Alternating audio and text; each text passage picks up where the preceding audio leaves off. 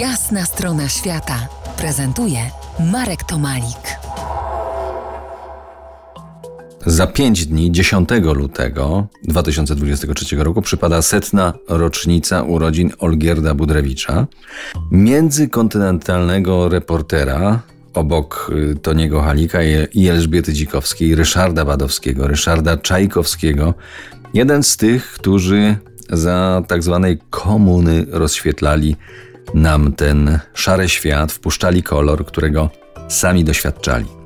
A po jasnej stronie świata Grzegorz Micuła, dziennikarz, fotograf, y, przewodnik i pilot wycieczek turystycznych, pracował m.in. w magazynach Poznaj Świat i Podróże, autor ponad 30 przewodników turystycznych i książek o podróżach. Dzień dobry Grzegorzu. Witaj. Z Olgierdem Budrewiczem ja osobiście spotkałem się tylko jeden raz na Zamku Królewskim w Warszawie podczas y, promocji książki Odkrywanie świata Polacy na sześciu kontynentach, takiej polskiej Biblii polskich y, podróżników, w której kreacji też zresztą uczestniczyłem.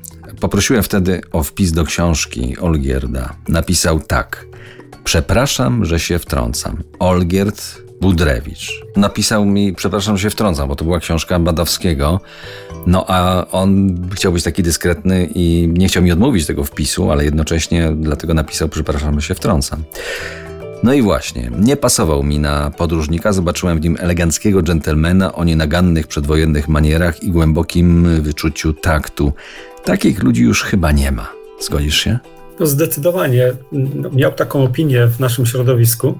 On był taki niesamowity, nie dzisiejszy, taki typ przedwojennego dżentelmena. To był wyjątkowy człowiek. Olgierd nosił w sobie chyba takich inności wiele. Korzenie miał mm, między innymi niemieckie. Jego pierwsze podróże to wizyty do do dziadków w Niemczech były, prawda? Tak, tak, to jest, to jest ciekawe, że jego matka by pochodziła z takiego starego niemieckiego rodu szlacheckiego. Nazywała się Emilia Theodora Agnieszka von Eller rzeczywiście pochodziła z Niemiec. Jej rodzina mieszkała na samej granicy z Holandią.